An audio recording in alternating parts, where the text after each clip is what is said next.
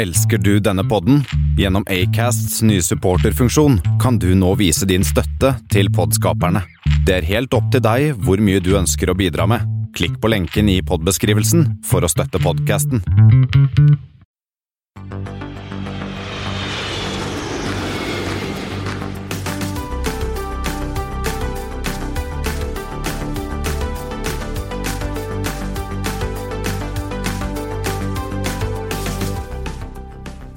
Hei og velkommen om bord på Flypoddens flight 94. Som vanlig hører du meg, Christian Kamhaug, og Espen S. Hei, Espen. Hei, hei. Vi har fått ny regjering, Espen, men ingen luftfartsminister denne gangen heller. Nei, eh, nå ble det vel faktisk færre ministre enn eh, det var. Men eh, nei, vi har ikke, fått, eh, vi har ikke gjort som nigerianerne og fått vår luftfartsminister. Men vi kan jo da gratulere Henrik Asheim, flynerd og friend of the pod, og gjest i Flight 82 som forsknings- og høyere utdanningsminister. Ja, det er gøy. Så da, Da har vi altså hatt en eh, statsråd som gjest. Riktignok før han ble statsråd, da. Men ja, eller om vi var gjester Ja, ja. ja, vi var jo på hans kontor, ja. Det er sant, det. Så det- kanskje vi var gjester. Og Ludvig bæsja jo bleia der, så kan han skryte av det. Ja, ja nei, uansett. eh, Grattis, Henrik. Eh, Vi satser på at eh, når eh, regjeringen Solberg har eh, blitt enda litt varmere i trøya, så er det på tide med en luftfartsminister. Eh, Altså Har vi en distrikts- og digitaliseringsminister, så kan vi ha en luftfartsminister, syns jeg, da. Ja. Nei, har du ikke enig? Ja. Nei, uansett. Det har blitt eh, 27. januar, og denne gangen skal vi innom litt nytt fra Boeing. Flyselskap har fått og er på utkikk etter ny eier, og vi skal innom det koreanske LCC-markedet. Der har vi ikke vært før. Og så kan det hende at vi får både en ny flyplass og en ny flytype med årene. Og siden vi var så vidt innom denne flykapringen til Dawson's Field i forrige episode, når vi snakket om Pan Am Flight 93, og jeg sa uh, flere ting som var feil, viste det seg, uh, så har vi tenkt å dypdykke litt ned i akkurat denne kapringen, eller kapringen ned. Men først, Espen, jeg har et par Flight 94 til deg, og det er, som vanlig, eh, noe til felles med disse. Kjør på. Vi begynner med KE94, IAD ICN, Det er da Washington Dulles til Seoul. ja, og så har vi JL94, som går GMP HND, det er jo en eh, er, kjent en. ja, det er returflighten på flight 93, så det er jo Gimpo til Haneda. Ja, og så har vi OS94, som går IAD til VIE. Det er også Dulles til, eh, til Wien. Ja, og hva har disse tre til felles, Espen? Det er faktisk flere ting til felles. De går med Boeing-maskiner. De går mellom hovedsteder. Ja, det er, Men det jeg vil fram til, er at dette er av flag carriers som går mellom hovedsteder. Ah. Riktignok er jo eh, OS er jo, Austrian er jo da eid av Lufthansa, men det er jo fremdeles eh, Japan Airlines mista vel det der flag carrier-statusen, Ja. som jeg syns er et sånn tulleuttrykk eh, når de gikk konkurs, men ja. Ja, men vi, jeg vil kalle det flag carriers. Vi kaller det det. Jeg har kikka på ganske mange flighter i helgen, og dette var de tre jeg fant som klarte begge. Vi har også eh, eh, Swiss her har også, Swiss har jo også en flight eh, 94 som går til Dallas, Dulles, men den går fra Zürich og ikke Bern, så den kommer ikke med. Nei. Dessverre. Eh, uansett, vi vil også minne om at eh, ukens episode er sponset av Avinor Flysikring, som i disse dager søker etter flere flygelederstudenter. Og hvis du vil vite mer, Espen, hva gjør du da? Da går man inn på bliflygeleder.no. Og vi eh, hopper til ukens nyheter, Espen. Og i helgen så var det mange som spenka seg foran TV-skjermene for å se på håndball-EM, var det det? Det var, ja, i tillegg til mye ski. Ja, eh, mens andre vi satt i sofaen og fulgte med livesending fra Seattle. Ja, jeg fikk med meg at den skulle være. Skal jeg godt innrømme at jeg sto på kjøkkenet og drakk vin og stekte biff akkurat da. Ja, men hva skjedde i Seattle? Det skjedde, var at eh, Boeing 7779 hadde da sin aller første flytur. Eh, den skulle vel vært eh, Var det fredag, eller var det torsdag? Sånn Men det var litt dårlig vær? Det var dårlig vær. For det er et eller annet også at når de tar av på sin aller første flytur, så tror jeg de bare tar av nordover. Eh, Ja, det var noe sånt noe ja, og så at, blåste eh, det litt mye og litt feil. Det vil si, når jeg sa at den var et par dager forsinka, så er jo det egentlig litt feil. For ja, den- det er, vel- det er vel en underdrivelse. ja, det, det er nesten et år, for den skulle egentlig ha første flight eh, en eller annen gang i 2019. Husker faktisk ikke helt når. Eh, dette var den som ble rullet ut omtrent i stillhet eh, under rett etter Maxen hadde krasja i Etiopia. Ja, det verste Max-problemene, ja. Så I- var det ingen som ville feire så mye. Men nå, eh, nå på lørdag var det masse feiring. Da var det. Eh, men grunnen til forsinkelsen det skyldes at uh, si, Hva er det som pleier å gå til helvete når noen utvikler et nytt flytype? Er det motorer? Det er motorene. Så de måtte tilbake til GE og fikset litt, for det var noe som ikke snurret helt som det skulle. Eh, men da er det altså kommet i luften. Og det som er litt sånn Tidligere så var det litt sånn ja, den skulle ha first flight da, og så skulle det gå Jeg husker ikke hvor langt, men sånn ca. et år, og så skulle den begynne å leveres. Men det er jo litt sånn det er litt i det blå hvor lang tid den kommer til å ble, ta å sertifisere. eh, etter hele dette Max-greiene og FAA har ikke helt sagt hvor lang tid de skal trenger, og hva er det egentlig Boeing kan trenger å sertifisere her? Hva kan de bruke av gammel, gammel 777-historikk, og, og hva Ja. må liksom gjøres på nytt? Det er et litt sånn svevende spørsmål, så eh, levering blir jo nok godt ute i 2021, første maskin. Eh, det er vel mer nedsiden enn oppsiden når det kommer til tidspunkt. Ja, og så så jeg jo disse folding wing-tippene. Jeg har jo øh, denne 777X øh, som som første fly, og det funka fint, det, så det ut som. Ja, eh, jeg har forstått at det egentlig ikke er sånn superkomplisert. Og grunnen til at den har disse folding wingtip, da, som man kan ta opp og ned, det skyldes jo at den har så langt vingespenn. Og for å unngå at den bare kan parkeres på gater som trenger 380, eh, så eh, feller de da opp vingene og kan gå på samme gater som andre 777-maskiner.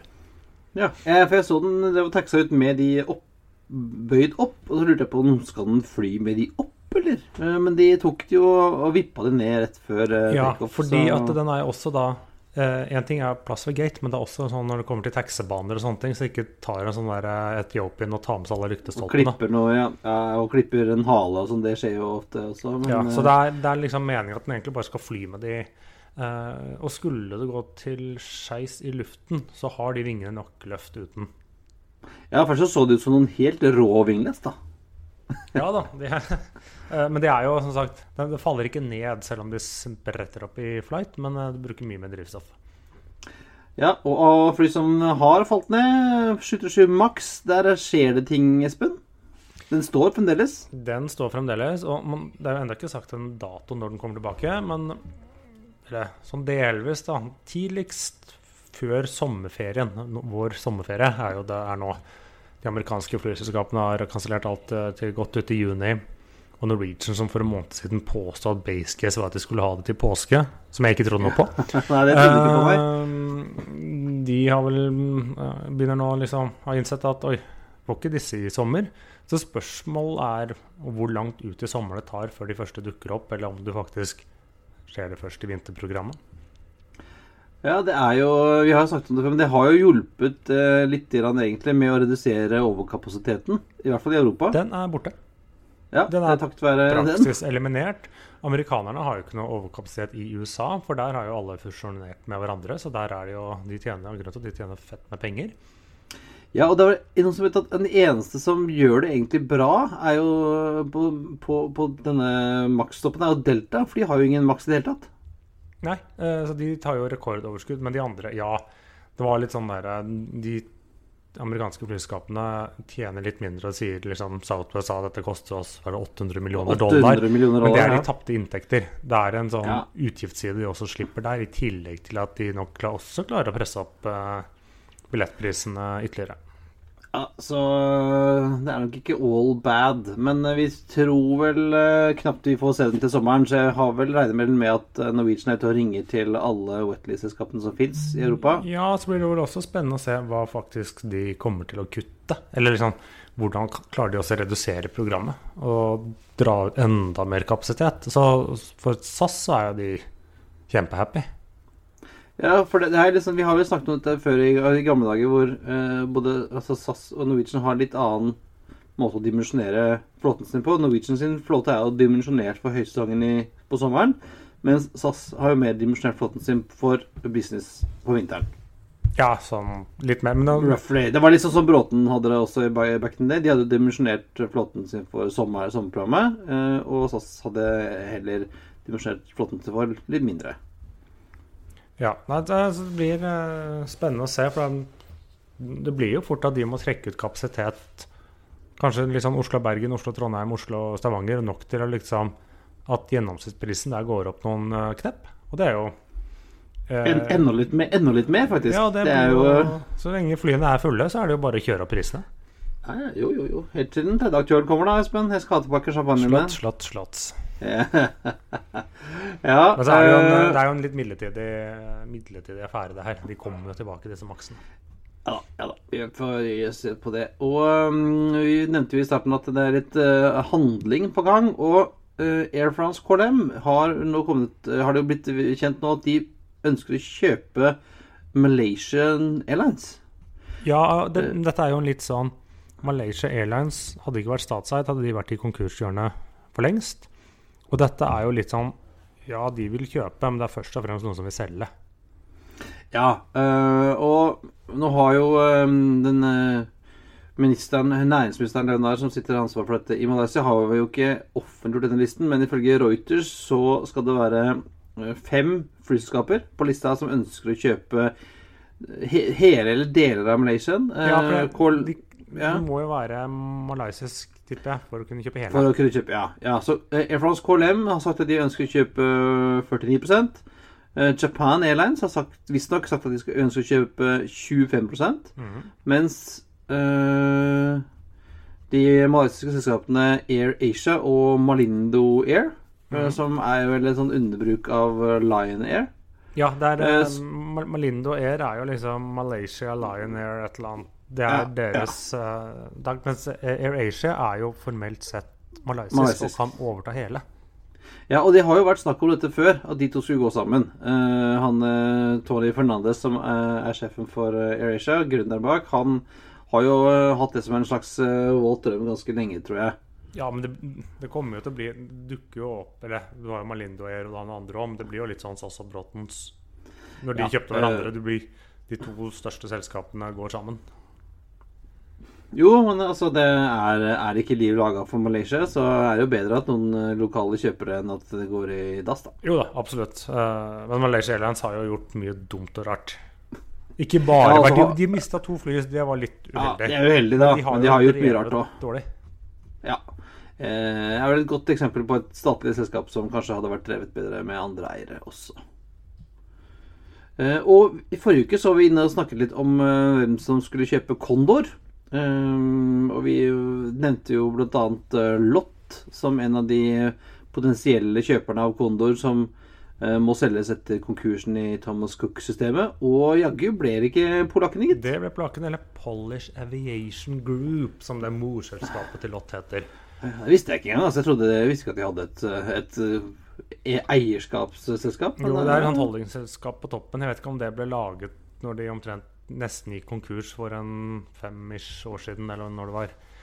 Ehm, og de sier jo at Condor de skal fortsette som eget brand. Hovedmarkedet skal være Tyskland, som det er nå, men også de satser på kanskje bre seg litt mer om.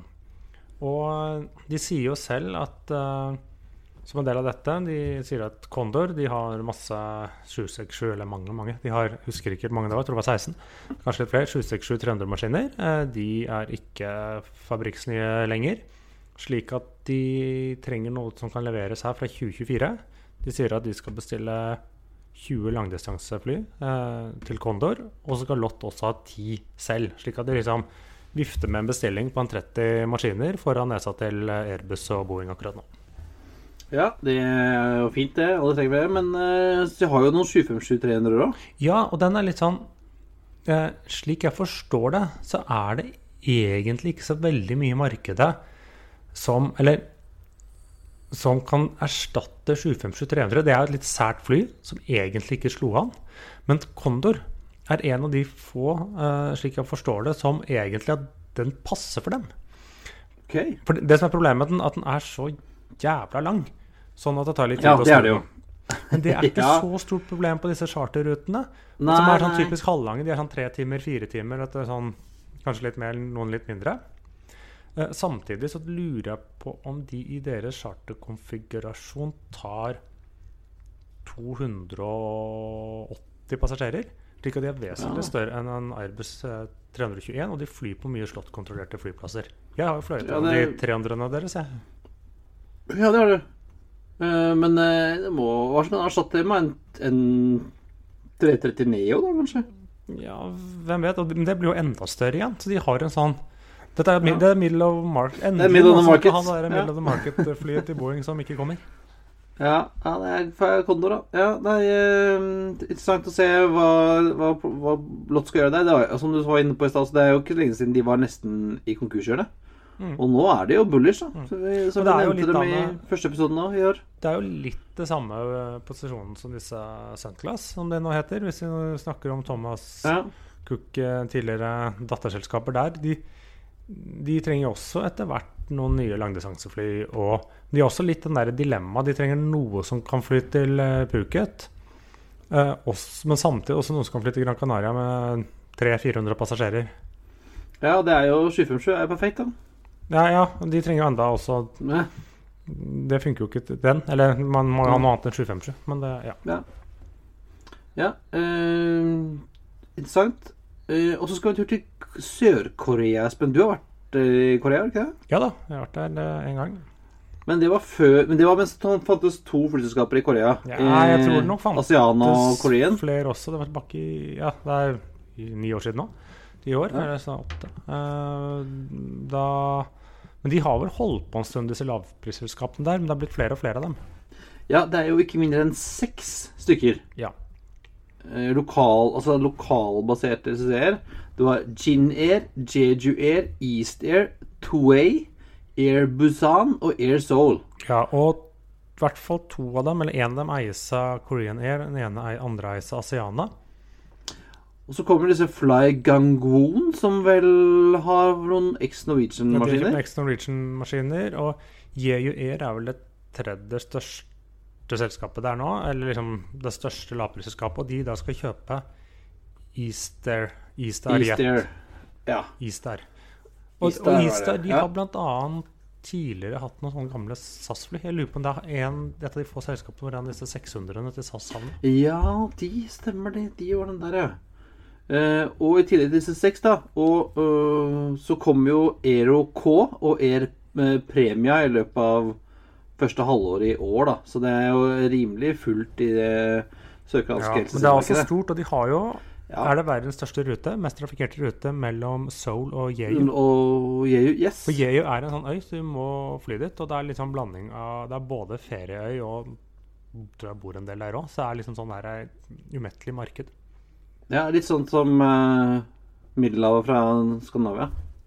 Ja, bare at her tar det en time eller et eller annet sånt å fly. Så det, er, det går liksom bare fly. Det går fly hele tiden. Ja. ja, og da vet ikke om det hjelper litt på konkurransen, da, om to av de går sammen, eventuelt. Uh, og det kan hende det er bare starten på en uh, ytterligere uh, konsolidering av det sørkoreanske markedet. For det, altså, det er jo innmari mange, selv for land som Sør-Korea, er jo mange selskaper. Altså, Ja. USA? De har jo fire-fem stykker i Locos carriers. Ja, nei, det er, eh, det er sikkert ikke dumt, men det hjelper jo ikke noe hvis det bare dukker opp en ny. Nei, det er sant. Og de har vel sånn som halvparten av alle innenriksseter går på Locos carriers. Så det har jo hatt litt sitt å si da for Korean og Eurasia siste årene. Ja, men de er jo med på leken, de også, med laget sine Ja. egne selskaper. Og vi kan hende vi får et nytt flyselskap i eh, Sør-Korea. Og så ser det ut som vi får en ny flyplass i Norge. Det er lenge siden sist. Ja, eller nå, nå er det jo litt sånn bevegelse både her og der. Eh, man har jo snakket om at de ønsker seg en ny flyplass på Helgeland. eh, Ja. Som erstatter vel både Sandnessjøen, Mosjøen og Mo i Rana. Men der krangler ja. de vel litt sånn lokalt så busta fyker. Og Ja, jeg, så er no, jeg så noen hadde forsøkt å legge ut liksom et anbud, denne Polarsirkelen lufthavn AS. Men den er jo ikke godkjent i Stortinget. Men, og jeg er litt usikker på om liksom Avinor også har anbefalt der. Jo, så bygges det jo en ny flyplass i Bodø. Den skal jo flyttes Ja. noen hundre meter eller Ja. en kilometer eller hva nå det er. Ja, ja. Men- Jeg kjenner noen som eh, holder på med den flyplassen, Espen. Ja, Et annet prosjekteringsselskap jeg kjenner som ja, ja, holder på med de det. gjør kanskje Ja. det. Ja. Men eh, her er det litt en sånn studie da, Avinor da, og Statens vegvesen, for ting henger jo litt sammen, som har sett på hvordan ser da, hva skal vi gjøre med Lofoten. For Ja, for det skal ikke ha olje der. Vi skal ikke bore etter olje der, Nei, men vi kan fly der. Eh, der er det jo nå Hvor mange flyplasser er det? Du har Andøya, Stokmarknes, Vollvær og Leknes. Leknes ja. Og så ligger jo eh, Evenes ikke i Lofoten, eh, men det er jo en del i Lofoten som bruker Evenes. Ifølge Avinor sin trafikkstatistikk. ja, og disse flyplassene ble jo bygd på 60-70-tallet, hvor eh, bakketransporten ikke var så godt utbygd. Vi hadde ikke bygd alle tunnelene og broene vi har nå. Så det ser jo at det, altså, det er jo ikke samme behovet for Ja. at flyplassene ligger like tett som Tre før. av dem er jo kortbaneflyplasser, mens Andøya ikke er det. Eller An Andes, eller Andøya. Eh, men så har de da gått sammen, da Avinor og Statens vegvesen, og deres forslag det er at man slår sammen Leknes og Svolvær. Og man egentlig tar flyplassen i Leknes, flytter den et par hundre meter, så det blir lang nok Ok. eh, rullebane uh, for større fly, og bygger Jeg husker ikke om det er vei, Ny tunnel eller er bro okay. Ja, mellom det er der alt og Svolvær.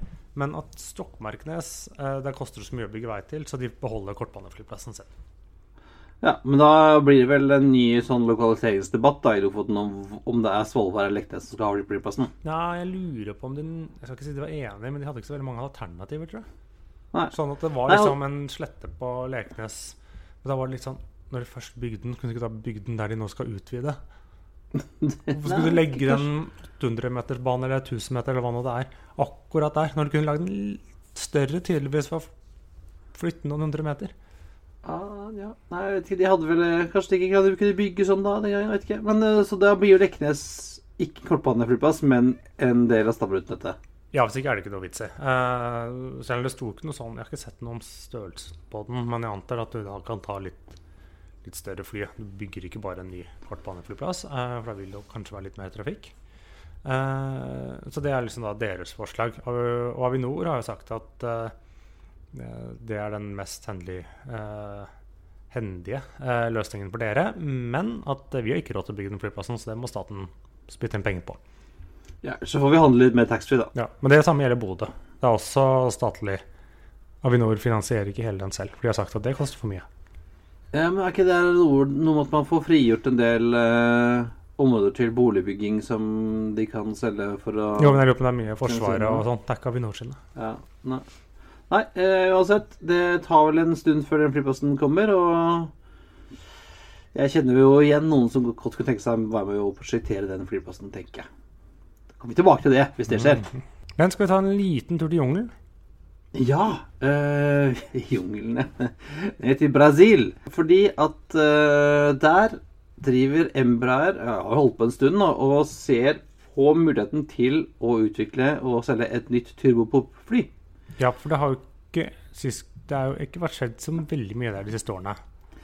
Nei, nå er det vel bare én igjen i den størrelsen sånn type 50-70 passasjerer som en familie som er igjen. Det er ATR 4272 som selges øh, av ATR. Ja, så har jo de som kjøpte Ja. Bombardier sin, eh, eh, som nå er de Havilland eh, De har jo også Ja, litt sine, og de, de funderer også litt på hva de skal gjøre. Ja. Uh, Embra har tydeligvis da sett eh, på et, at det er et behov for en sånn fami familie, som de kaller det, med, av to eh, fly. eh, som, som skal da konkurrere med at det er sin 50-setter og 70-setter. da. Um, og de ser også på liksom, kan det være noe hvis vi kan putte en hybrid-elektrisk motor i. Ja, for de vurderer liksom, Etter hvert kan de komme da med en mindre variant som er hybridelektrisk. Ja, for det er jo denne 70-setteren som er mest aktuelle. Mm. Eh, og det er litt gøy, da, at, eh, er litt gøy, at Embraer, som var en av de som på en måte tok livet av turboprop-commutermaskinen, eh, skal nå lage sin egen. Ja, og så står det liksom den skal have the look and feel of an Embraer E2. Så skal de egentlig gjøre det motsatte som de gjorde når de kom med disse ERJ 140-maskinene. For da tok Ja, de- de jo gamle Embraer Brasilia Brasilian. og ja. forlenget kroppen litt og satte på jetmotorer. Uh, ja, sikkert ga ny vinge også, da. Hvis du ser på nesa på Brasilia og nesa på de små regional Ja. til, eh, til Embraer, så er jo de klin like. Det er det samme. Akkurat som uh, Bombardiers eh, CRJ uh, reffet av uh, denne Challenger businessjeten. Så det, ja, men her er det noe helt nytt. Det er ikke, har vi ikke sett siden ja, vel, at det er 42, omtrent. Ja, det har ikke skjedd så mye der de siste årene.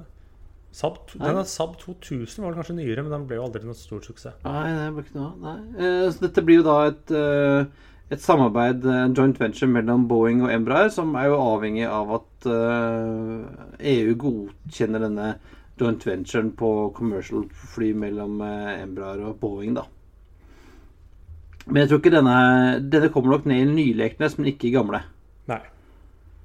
Eh, det har ikke vært snakk om å gjøre noe uh, stolversjon av denne her, tror jeg. Flight 022, approach 807, maintain altitude 15,000 feet.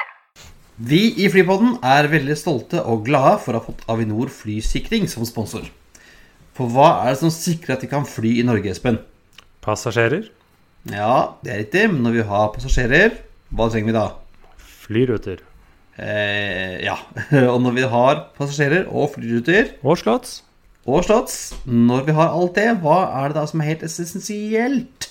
For at flytrafikken skal gå smooth og sikkert, og vi unngår forsinkelser, og kan fly raskest vei, og kan ha grønne innflyvninger og alt sånt. Flygeledere. Det er riktig, Espen. Vi trenger flygeledere. Og akkurat nå søker våre venner i Avinor flysikring etter flere flygeledere. Søknadsskjema for å søke om opptak ved flygelederutdanningen i 2020 ligger nå ute på www.bliflygeleder.no. Søknadsfristen er 15.2, men om du mener at du har det som trengs for å bli flygeleder, er det bare å søke allerede nå. Opptaksprøvene starter nemlig allerede i slutten av januar. Studiestart er i september 2020. Men du er vel litt for gammel, eller? Jeg vet ikke om det er noen aldersbegrensninger, men eh, det spørs om Avinor flysikring gidder å spandere en utdanning på en sånn ca. to millioner på en som har kommet såpass langt i livet som meg, Espen. Ja, for i motsetning til siviløkonomiutdannelsen som vi tok, så er flygelederutdanningen helt gratis.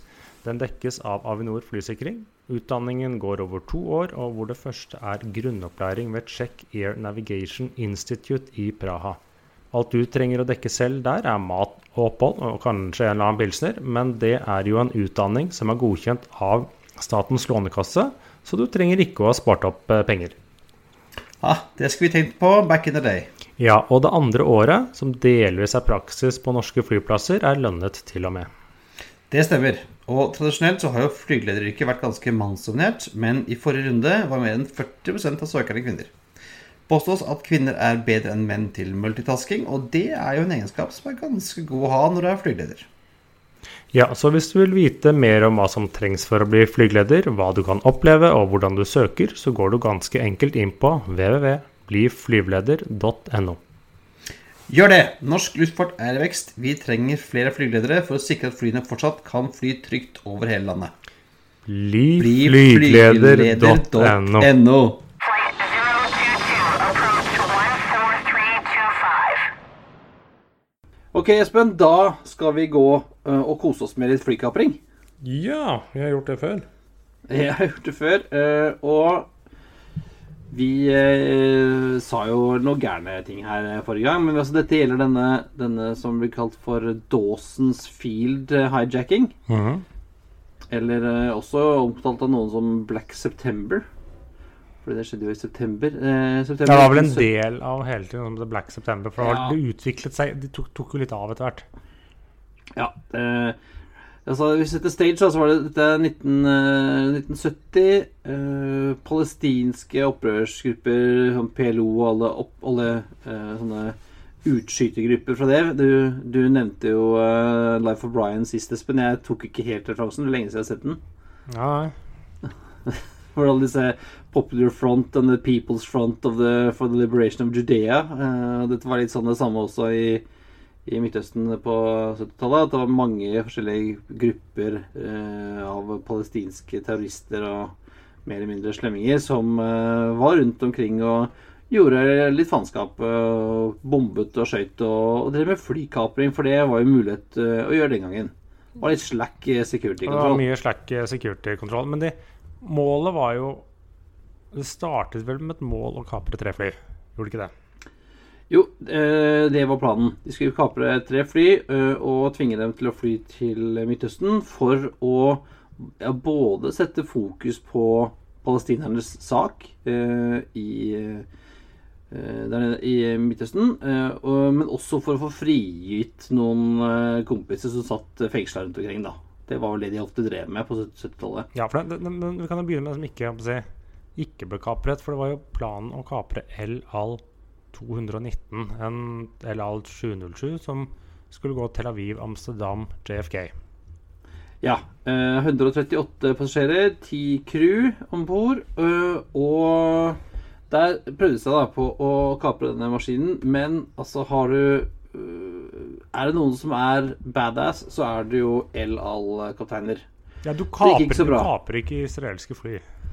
Nei, det, det pleier ikke å gå så veldig bra. Uh, så det de, de hadde vel var mange, to stykker om bord. Ja. Uh, en uh, mann, Patrick Arguello, som var nicaraguansk-amerikansk, men tydeligvis en tilhenger av palestinernes sak. Og så en dame som het Leila Khaled, som, er, var palestinsk. Eh, og De skulle egentlig ha med seg to til, men eh, de ble stoppet eh, og kom ikke på. De reiste med falske singalesiske pass, på, pass, pass og det eh, ga en eller annen ja, Var det noen som reagerte på det? Ja, han kapreren her ble jo skutt, og hun andre arrestert Ja, ganske fort. ja, vi, ja det, og det var fordi at eh, når disse uh, kommer om bord, uh, tar av uh, Terroristene går i cockpit for å ta kontroll på flyet, så bestemmer kapteinen seg for at nei, jeg skal ikke følge etter det. Jeg skal bare sette, jeg sender flyet i en sånn nosedive. Ja. Så Uri Bar Lev han uh, fant at nei, dette, dette skal ikke være med på. Jeg sender fly i nosedive, og så mistet jo kaprerne uh, balansen. Datt, uh, datt og slo seg, stakkar. Og ble overmannet, og den ene ble, han ene ble skutt. Av sikkerhetsvaktene som var om bord. Det jo, har jo El Al, selvfølgelig. Og gikk da, landet da i London, hvor hun, hun eh, Khaled ble arrestert. ja. Og det, det hadde jo også litt konsekvenser som kan komme tilbake til. For da også samtidig var det to andre fly som ble kapret. Ja, vi hadde TWA eh, 4, nei, 741, eh, som hadde en sånn eh, ordentlig melkerute. Tel Aviv, Aten, Frankfurt, eh, JFK skulle de fly. Eh, der hadde de 147 passasjerer og 11 crew. Også en 707. Og en 707, yes. Eh, den ble Der klarte de å ta kontroll på flyet, eh, og fløy det til en sånn gammel Air, Royal Air Force-base ute i ørkenen i, i Jordan, litt nord for Amman, Som da het, som het Dawson's Field. Dawson's Field. Derav uh, Dawson's Field-kapringen. da. Og de hadde jo med seg både håndgranater og, og pistoler, disse folka. Ja, mye, mye man ikke har lov til å ha med om bord. ja. ja eh, og så, ja, tredje fly. Eh, en Swissair, Swissair Flight 100. En eh, DC-8 som var på vei fra Zürich til New York. Kanskje vi må nevne flight, denne i Flight 100 senere, Espen? Ja, det kan man gjøre. Ja. Ja. Eh, over Frankrike så ble denne kapret. Der hadde vi 145 passasjerer og 12 crew. Eh, hadde ikke fløyet så lenge før den da ble eh, kapret av to, to kaprere fra den, The People's Front for the Liberation of Palestine, PFLP, som da sendte de til eh, Dawson's Field, og dermed hadde de da 306 gisler Ja, der ute. Og så da disse to terroristene som ble nekta adgang på El Al, de fant seg da en Panama-maskin. Ja, det nevnte vi jo i forrige episode. Da de da tok denne Pan Am Flight 93, som gikk eh, til uh, Brussel, Amsterdam, New York med ja, 152 passasjerer og 17 crew. Uh, den ble kapret av folk med pistoler og håndgranater her også. De skulle jo også da til eh, Dawson's Field, men der klarte eh, crewet å overbevise kaprerne om at det var ikke så lurt, for det er ikke sikkert de klarer å komme ned med et så stort fly ute i ørkenen der. Så de gikk først til eh, Beirut, hvor de fikk med seg ni kaprere til og enda litt mer skytevåpen og eksplosiver. Og fløy da videre til Kairo, hvor de sprengte hele skiten. Ja. Men det er jo ingen passasjerer var om bord, da. Ingen passasjerer som bor, så det, det gikk, jo, gikk jo bra. Bortsett fra at dette var jo da alle, den aller første 747 som ble tapt, faktisk. Mm. Men, men så var det jo De hadde jo noen øh, Hun øh, ene som hadde overlevd den der øh, El Alp-flighten, Hun ble jo da sittende i fengsel, og for å da prøve å få henne ut, så tok de et øh, å femte fly noen dager etterpå. Ja, ja, dette var en eh, Boak, Boak Flight eh, 775, en WC-10 på vei fra Mumbai via Bahrain til eh, London Heathrow. Og da var det faktisk noen kapere som eller en fyr som ikke var med i PFLP, men, men han var liksom, sympatiserte med deres sak. da. Og så ville han uh, gjøre sitt for at uh, de britiske myndighetene skulle frigi hun Leila Khaled. Så han kapra denne maskinen og fløy den også til Dawson's da. Med 105 passasjerer og 9 crew. Eh, og alle disse passasjerene og crewene ble jo da eh, ble jo sittende eh, i flyet en god stund der ute i ørkenen. Det var ikke noe særlig digg, tror jeg. Og, og noen av dem ble frigitt etter hvert og sendt på hotell i Amman. Men de var jo fremdeles gisler. Eh, og så var det jo mye forhandlinger med disse gutta, terroristene. De, det er jo en helt sånn bisarr eh, klipp som ligger på YouTube, hvor de sitter eh, uten noen maske, masker eller noen ting og, og snakker, blir intervjuet på TV. We have released all women and children and sick gradually since the first day. PFLP had also transferred rest, that is the 40 passengers, who are classified as suspects under interrogation or hostages by the revolution, have transferred them into a more cozy place. Nevertheless, these people are now living in much better conditions than that on the airfield or in our refugee camp, and they will be kept there until our prisoners are released. PFLP had destroyed completely today the three planes, practicing one of its strategic lines to hit the imperialist and Zionist interests all over the world, and in reaction to the stand of the imperialist and Zionist party. Uh, mens, uh, mens flere stats, uh, statsledere prøver liksom å si hvordan skal vi få dette løst. da. Nix, Richard Nixon, hans plan var jo å bombe PFLP-baser eh, i Jordan. Mens eh, han, han, vi, vi amerikanere terror- forhandler ikke med terrorister. Men der ble han overbevist av eh, forsvarsministeren om å ikke gjøre det, da. Nei, og, og etter hvert så ble jo mesteparten av gislene satt fri. Eller først mesteparten, og så var det noen som ble holdt igjen litt ekstra. Ja, det var alle, se, alle jødiske eller israelske statsborgere ble holdt igjen litt ekstra. Ja, og noen amerikanere òg. Ja, eh, og hvis du da både amerikaner og jøde, så sliter du. Ja, men de, de blir jo sluppet fri til slutt, da. Sånn. Det var vel én Ja, som fordi ble drept, var det ikke det?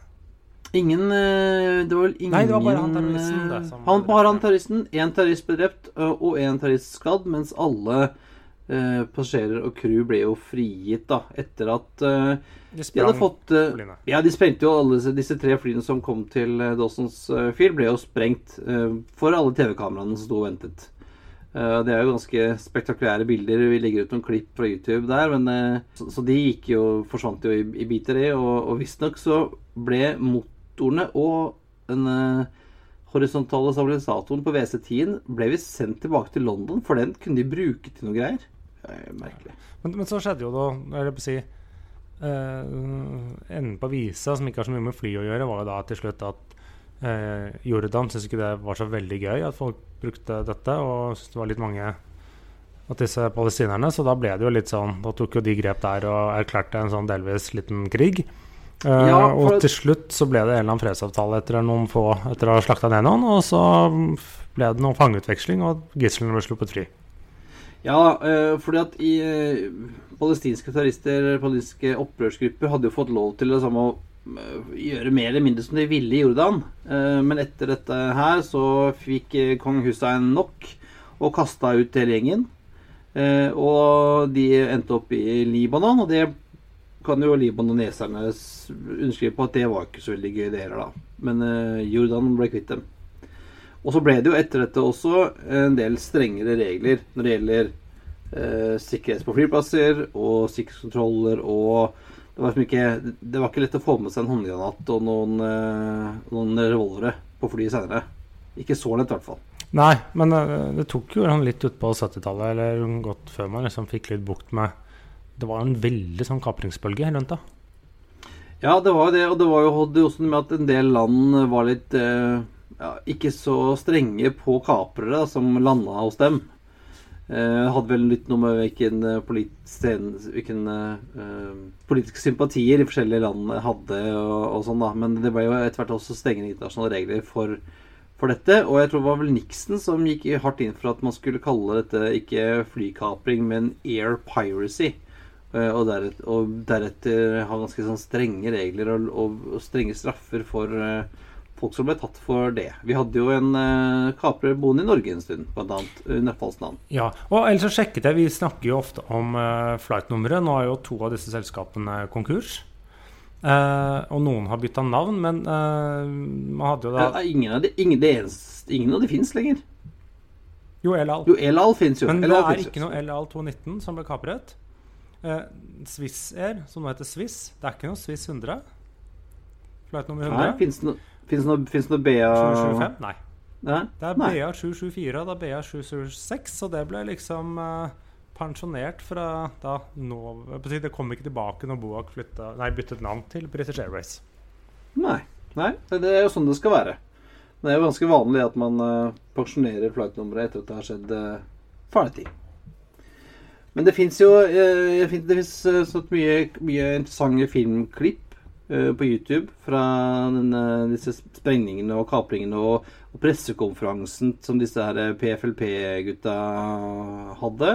Og de hadde jo tagga på flyet nå, så du det, Espen? Ja, ja, de hadde skrevet med sånn der dusj eller maling eller hva de har gjort på siden av flyet.